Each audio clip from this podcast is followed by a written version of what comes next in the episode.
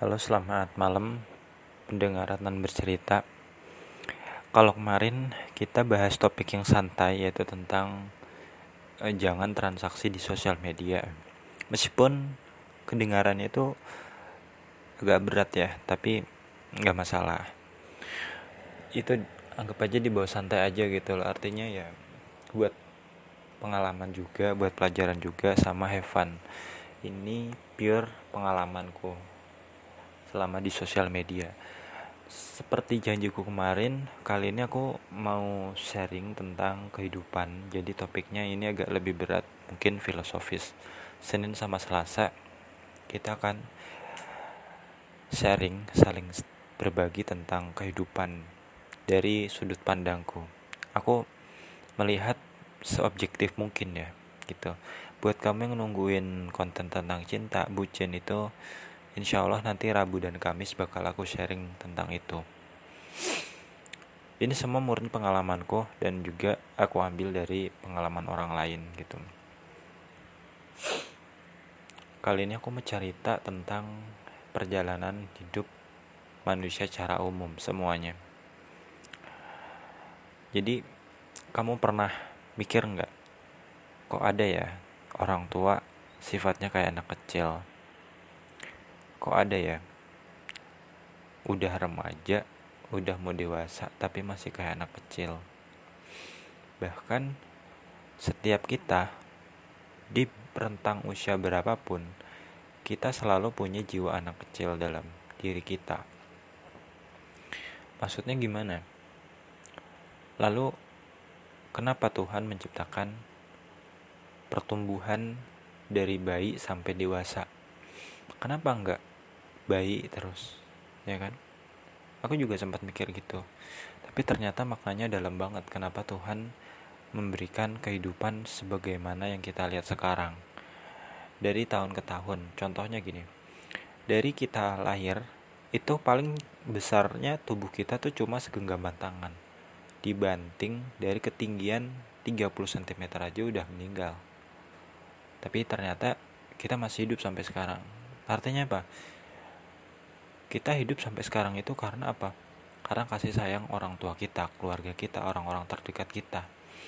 Mereka selalu mendukung dan ada untuk kita, meskipun namanya manusia itu kan gak ada yang abadi, datang pergi silih berganti. Ada orang yang dulu waktu kecil deket banget sama kita, sekarang udah dipanggil Tuhan. Banyak setiap orang pernah mengalami hal tersebut di usia yang berbeda-beda. Kembali ke awal kita dari lahir itu ukuran tubuhnya cuma satu genggaman tangan. Beranjak satu tahun dua tahun dan seterusnya sampai mungkin mentok 25 tahun. Pertumbuhan kita berhenti. Tinggi badan kita berhenti. Stuck di situ. Kenapa? Sederhananya kayak gini deh.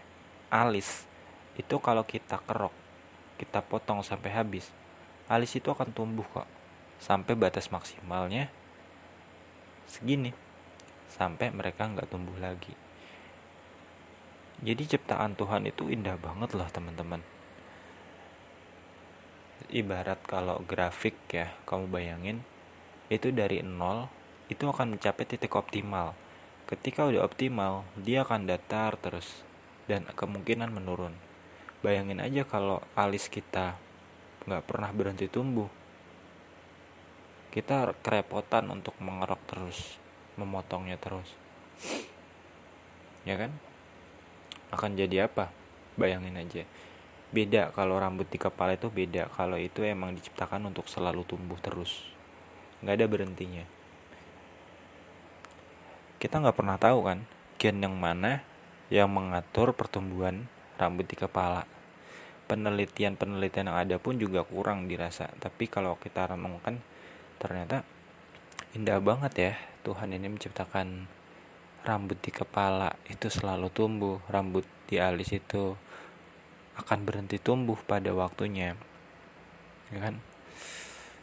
Itu bayangin rambut di kepala itu kan selalu tumbuh. Makanya perempuan itu mereka motong rambutnya itu nggak sesering laki-laki laki-laki itu selalu rutin potong rambut mungkin sebulan sekali.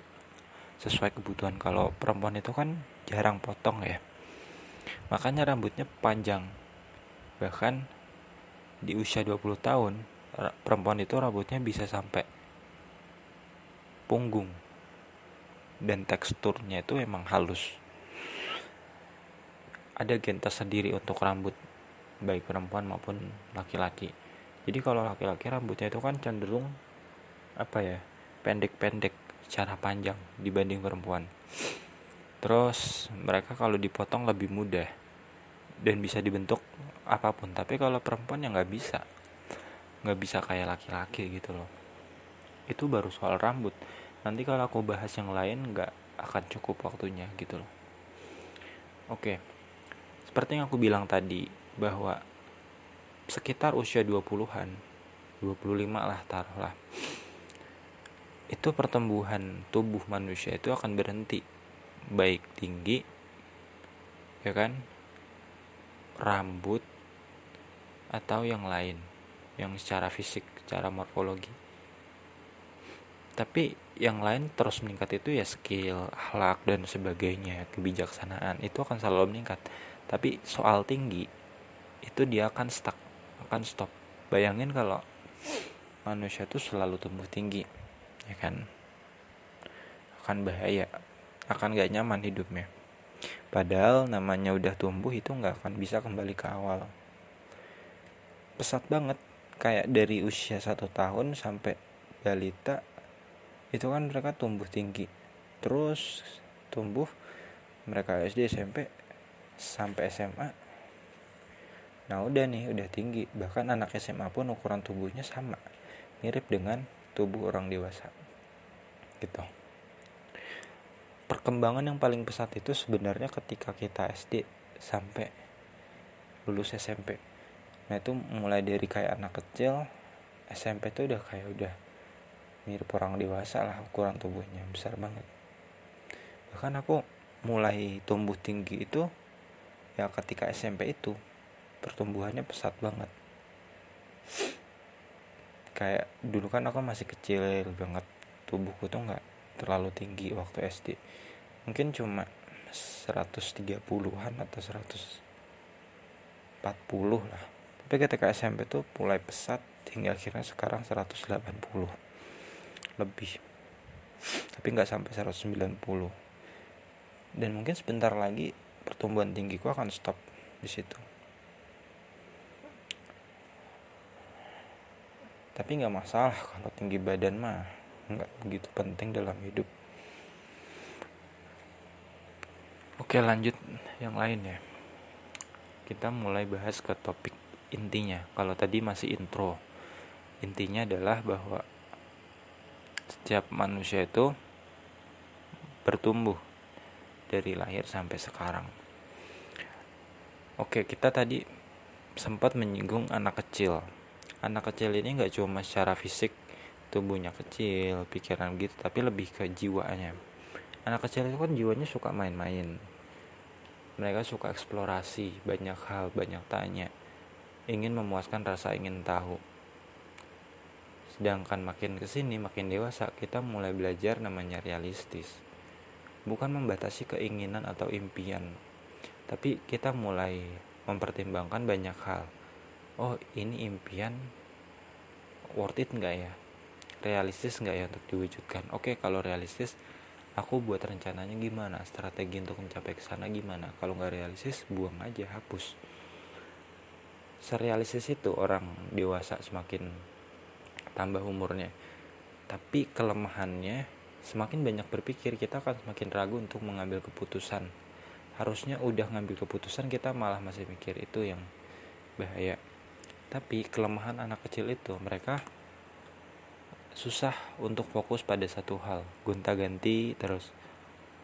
Mereka mudah banget cepet banget ambil keputusan bahkan tanpa mikir tapi efeknya itu jadi bumerang sendiri ya kan? Pernah tahu anak kecil main Shopee Tokped asal mesen tiba-tiba datang barangnya dan nggak punya uang. Nah itu bahaya. Jadi namanya anak kecil itu karena mereka belum punya kemampuan organisasi managing memanage waktu mengorganisir apa pun sumber daya mereka harus dikelola harus dibimbing. Begini loh caranya. Tinggal mereka belajar sendiri gitu. Nah ketika dewasa kita udah nggak perlu mengendalikan mereka seutuhnya 100% kayak anak kecil. Tapi kita cukup memberikan masukan jika diperlukan memberikan tanggapan jika diperlukan. Jadi lebih ke fasilitator aja gitu loh orang-orang di sekitar. Kalau untuk orang dewasa. Kalau untuk anak kecil kita benar-benar jadi pembimbingnya dari awal sampai akhir. Kalau salah ya diingetin. Gitulah. Oke. Itu awalnya. Panjang banget. Kita mulai masuk inti kamu ngerasa nggak kalau waktu itu terasa cepat banget kerasa baru kemarin ya masuk kuliah kayaknya baru kemarin deh masuk SMP SMA tapi kok tiba-tiba udah gede aja ya nah itu yang merasakan siapa jiwa kita. Tapi ketika kita SMP dan dibandingkan ketika kita udah lulus kuliah atau sekarang kerja, fisiknya jauh beda. Fisik kita lebih matang. Tinggi badan, berat badan, organ seksual, pola pikir dan sebagainya itu kita makin bertumbuh dan lebih baik dibanding saat kita SMP atau SD. Tapi jiwa kita yang sebenarnya itu sama Jiwa itu kekal dan abadi dan dia nggak akan pernah berubah kapan pun seiring berjalan waktu. Jadi fisik kita itu sebenarnya cuma wadah. Ibarat ember, fisik kita tuh ember. Dan jiwa itu air. Air itu nggak akan pernah berubah ya. Maksudnya kalau air itu kan kadang ada yang bilang, iya kalau dikasih sirup, ya rasanya sirup enggak. Air itu abadi sifatnya. Ketika air itu bercampur, dia hanya menyesuaikan aja tapi intisari dari air itu itu nggak akan pernah berubah air ya air dia hanya menyesuaikan di mana dia berada beda loh sesuatu suatu zat yang kekal dia hanya akan menyesuaikan. Dia nggak akan pernah berubah. Kayak energi. Energi itu kekal dan abadi loh. Mereka hanya konversi berubah. Maksudnya berubah tuh bukan inti energi itu tapi lebih ke kayak menyesuaikan kayak air tadi. Misalkan dari listrik dari air ke listrik gitu. Itu energi. Energi itu nggak akan nggak bisa dimusnahkan bisa. Tapi nanti di akhir kejadian alam semesta Tuhan yang memusnahkan. Tapi cara nalar namanya energi itu nggak akan bisa diciptakan atau dihapuskan. Itu keterbatasan kita sebagai manusia. Aku sendiri nggak bisa jelasin maksudnya apa gitu loh. Sama abstraknya ketika kita ditanya manusia pertama di bumi itu manusia prasejarah atau Nabi Adam alaihissalam kita nggak pernah tahu karena itu di luar keterbatasan kita atau sesimpel tumbuhan yang ada di masa lalu itu kayak apa ya Apakah bisa kita telusuri jejaknya sampai sekarang? Kalau bisa, apakah ada tumbuhan-tumbuhan kecil yang masih ada sampai sekarang bertahan? Kita nggak pernah tahu karena apa? Akal kita semuanya terbatas. Bahkan laut dalam pun itu belum banyak yang eksplor. Penelitiannya belum banyak. Jadi di situlah kita harus memahami bahwa manusia itu terbatas loh. Secanggih apa pun teknologinya, itu selalu akan menemui keterbatasan kebuntuan. Contoh iPhone katanya itu HP tercanggih dunia terkeren, terminimalis. Tapi kelemahannya apa? Apakah iPhone bisa untuk buruh bangunan, untuk mukul pak paku? Apakah iPhone bisa untuk menyelam? Enggak, di situlah keterbatasannya. Namanya iPhone ya untuk komunikasi sesuai fungsinya. Terbatas kan tapi itu ya kan? Internet apakah semua daerah itu punya koneksi internet? Enggak bahkan sinyal pun nggak masuk. Itulah keterbatasan manusia dalam teknologinya kembali ke awal soal jiwa. Kalau kita merasa kok waktu cepet banget itulah yang dirasakan jiwa kita. Jiwa kita tuh sama mulai dari diciptakan ditiupkan terus sampai sekarang. Bahkan sampai kita mati itu jiwa kita sama. Kita sama-sama. Makanya kita kadang bisa nostalgia akan masa lalu. Itu karena apa? Perjalanan waktu yang dilakukan oleh jiwa mungkin di sini agak rumit ya. Tapi aku coba jelaskan sederhana. Bisa nggak sih kita membuat mesin waktu? Bisa. Tapi bukan secara fisik. Lebih ke pikiran. Lebih ke tips sugesti dalam pikiran kita. Kita bisa membuat mesin waktu tapi dalam pikiran kita. Artinya apa? Kita menggunakan ingatan kita untuk menjelajahi waktu di masa lalu. Kita mencoba ingat-ingat kembali apa ya yang terjadi di sekitar kita. Keterbatasannya banyak banget. Karena kita cuma bisa menjelaskan apa yang kita ingat saat itu. Namanya juga mesin waktu, ada kelemahannya. Contoh ya, waktu kecil itu aku sama keluarga aku tuh suka jalan-jalan waktu itu namanya jalan baru aku nggak tahu kenapa namakan jalan baru tapi itu mungkin semacam car free day artinya bebas motor dan mobil makanya setiap hari minggu ya kalau nggak salah. Waktu itu kan hari kerja itu Senin sampai Sabtu. Nah minggu itu lumayan untuk kita liburan. Setiap minggu pukul 6 pagi aku kakak dan bapak itu jalan kaki. Kita jalan-jalan lah. Kalau capek aku digendong. Terus endingnya kita mampir ke rumah temennya bapak mereka bapak ini namanya kayaknya Pak Sentot kalau nggak salah. Dia punya namanya tanaman hias kayak dijual gitu loh. Banyak banget. Jadi hawanya tuh seger di tengah perkotaan karena banyak tanaman. Terus ada ikan koi di bawahnya itu. Jadi kaki kecilku itu main di air pun terasa nyaman seger gitu loh hawanya. Di situlah awal ketertarikanku dengan alam dunia biologi tapi aku masih ingat betul apa yang terjadi saat itu padahal itu terjadi belasan tahun yang lalu saat tubuhku masih kecil banget tapi sekarang badanku udah gede tinggi tapi apa jiwaku sama dengan jiwaku di masa kecil sama dengan kamu kamu pasti selalu bisa mengingat momen-momen menyenangkan di masa kecil. Kok bisa gitu? Ya karena jiwanya sama. Jiwa yang kamu punya sekarang itu sama dengan jiwa yang kamu punya dulu. Cuma bedanya badan kamu sekarang udah beda jauh dibanding masa kecil. Gitu. Pun dengan masa depan, jiwanya tetap sama. Yang berubah itu cuma zamannya fisik kita dan sebagainya makanya logis kalau kok ada ya orang dewasa tapi kok kayak anak kecil ya karena jiwanya sama gitu loh. Ini sudut pandangku ya soal jiwa. Kok ada ya lansia tapi jiwanya kayak anak kecil pengen main terus. Ya karena jiwanya sama. Jiwa itu seperti yang aku katakan tadi dia abadi kekal.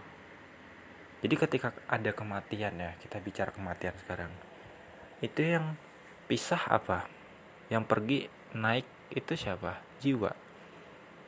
Jadi ketika kamu hidup kamu dengerin podcast ini kamu nonton film Netflix kuliah sekolah berkenal sama orang itu sebenarnya jiwa kamu yang sedang melakukan. Tubuhmu itu cuma media. Makanya orang yang kerasukan itu kan medianya itu apa? Tubuh kita fisik kita. Jin itu itu hanya semacam jiwa menurutku. Jiwa yang bernama jin sama seperti kita jiwa kita bernama manusia dititipkan ke dalam tubuh fisik. Gitu. Makanya yang tinggal itu apa? Fisik kita. Karena apa? Fisik kita nggak bisa nggak sanggup untuk melintasi dimensi yang berbeda jauh-jauh berbeda dengan dimensi sekarang. Yang sanggup melintasi dimensi itu cuma jiwa yang abadi yang kekal yang dipanggil ke Tuhan itu jiwa kita nafs kita. Fisik kita dikubur membusuk dimakan hewan tanah. Itu karena apa? Tubuh itu nggak abadi ya kan? Contoh ember isinya air. Air itu tumpah karena embernya pecah. Ya. air itu hilang nggak? Nggak hilang.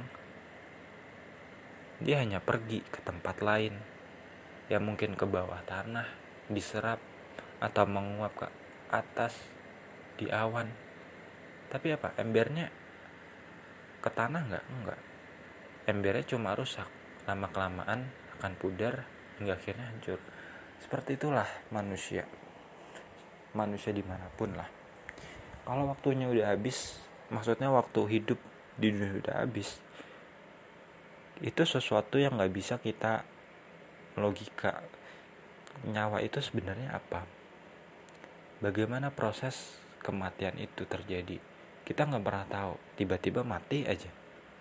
Tanpa sebab apa pun. Makanya mati itu nggak ada yang tahu kecuali Tuhan. Mau kita sehat mau kita sakit tahun depan kayak beberapa bulan lagi kita nggak pernah tahu. Kenapa ada diagnosis dokter? Usia kamu kira-kira hanya bertahan satu bulan lagi apakah dokter itu Tuhan? Bukan. Dia bisa bilang seperti itu karena data yang ada kayak gitu. Data-data penderita penyakit itu biasanya meninggal rata-rata sebulan lagi. Makanya dokter punya bukti gitu loh. Nggak asal ngomong. Makanya ketika penderita kanker mohon maaf ya difonis usianya tinggal beberapa bulan lagi bukan berarti dokter itu nggak punya hati. Dokter itu menyampaikan kebenaran fakta. Ini loh usia kamu tinggal sekian bulan. Bukan berarti dokter itu Tuhan. Bukan berarti emang beneran meninggal tiga bulan si pasiennya itu enggak. Dokter itu cuma menyampaikan kebenaran berdasarkan data yang ada database yang ada. Tapi apakah itu bisa meleset? Sangat-sangat bisa meleset karena pak dokter juga manusia. Ibarat gini apakah pasien di rumah sakit itu 100% sembuh? Enggak. Apakah banyak yang sembuh? Belum tentu. Banyak meninggal? Belum tentu. Karena gini ya namanya nyawa kesehatan itu yang ada di rumah sakit itu itu semuanya punya Tuhan. Dokter adalah salah satu usaha kita untuk menyembuhkan orang yang sakit itu dokter itu udah berusaha sekuat mungkin tapi ketika akhirnya pasien itu meninggal sakit nggak hati dokter? Sakit. Dia pasti kasihan. Tapi dia udah melakukan yang terbaik ya mau gimana lagi? Aku mencoba menahan tangis di sini. Sama kita kita ujian ngerjain ujian. Kita nggak pernah tahu hasilnya bagaimana. Yang kita bisa itu cuma belajar dengan rajin berdoa yang banyak semoga hasilnya baik. Perkara nanti hasilnya buruk atau baik kalau baik ya alhamdulillah disyukuri. Kalau buruk ya kita renungkan lagi.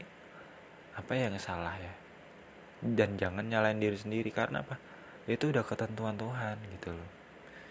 Kita harus ambil hikmahnya bahwa apa yang gagal bukan berarti akhir dari hidup kita akhir dari hidup kita itu adalah kematian yang ditetapkan oleh Tuhan yang kita nggak pernah tahu kapan jadi mumpung kita masih hidup kita nikmatin aja nih perjalanan yang ada belajar apa yang kita suka kenalan sama orang baru dan sebagainya karena namanya umur itu cuma Tuhan yang tahu. Kita cuma bisa bersiap-siap jika orang terdekat kita meninggal, orang tua kita dipanggil Tuhan lebih dulu. Kita nggak bisa memaksa Tuhan, iya Tuhan, ya Allah, jangan matikan orang tuaku dulu. Jangan. Kita nggak bisa, kita coba bisa menerima, mengikhlaskan mereka. Kalau ada waktunya pasti terjadi. Sama halnya kayak kok aku belum dapat jodoh ya aku belum dapat apa yang aku inginkan ya tenang semua ada waktunya selama kamu udah berusaha sekuat mungkin serahkan sisanya pada Tuhan misalkan jodoh jodoh ya. Kita udah usaha ke mana mana ke sana ke sini kenalan sama perempuan ini itu. Mencoba melamar taaruf. Tapi kok belum dapet dapet ya yang cocok? Ya udah ikhlasin aja gitu loh. Yang penting kan kita udah usaha. Tapi apakah setiap orang dapat jodoh? Pasti. Cuma waktunya itu cuma Tuhan yang tahu. Bayangin kalau semua orang tahu kapan dia menemukan jodoh kapan dia mati hidup nggak akan asik masjid pasti akan penuh bahkan akan dibuat daftar antrian oh hari Senin yang ibadah si A, si B, si C karena si A, B, C akan meninggal hari Rabu. Supermarket akan sepi. Roda perekonomian akan macet, buntu karena setiap orang tahu kapan dia mati. Itu kan bahaya. Dan akan menimbulkan kerusakan yang lebih lebih parah. Bayangkan. Jadi makanya Tuhan itu maha tahu. Makanya dia nggak pernah kasih tahu si manusia kapan dia mati, kapan dia pergi dari dunia itu kapan dapat rezeki kapan dapat jodoh Tuhan tuh pengen manusia tuh fokus kamu tuh fokus sama usahanya aja hasilnya biar aku yang urus biar aku yang nilai aku yang kasih itu kata Tuhan yang aku tangkap jadi selama hampir 30 menit ini aku sharing banyak banget yang bisa kita ambil. Yang pertama kita nggak usah ragu akan hidup ini bahwa kita nggak dapat jodoh nggak dapat rezeki atau apa.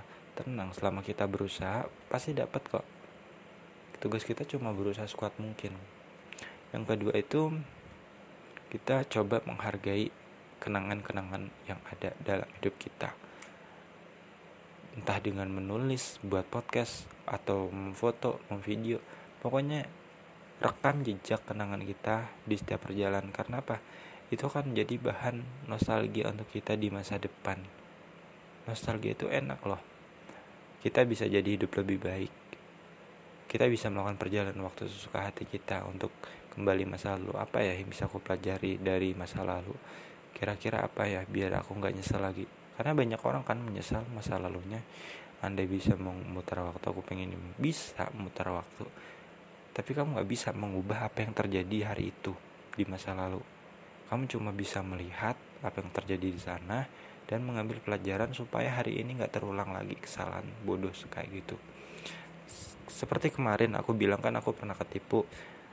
Totalnya tuh mungkin 2.500 Aku berkali-kali melakukan perjalanan waktu ke masa lalu dengan pikiranku nostalgia. Oh, prosesnya gimana ya? Oh, kayak gini kayak gini. Apa yang aku harus pelajari? Oh, ternyata gini. Nah, itu yang penting untuk kita ambil agar di masa mendatang kita nggak akan terjebak oleh hal yang sama gitu aku pikir itu aja karena ya ini udah banyak banget semoga menginspirasi dan bermanfaat dan jangan lupa bagikan juga ke teman-teman lain barangkali mereka membutuhkan. Dan jangan lupa follow instagramku Adnan bercerita karena aku bakal sharing juga tentang perjalanan hidupku ke depan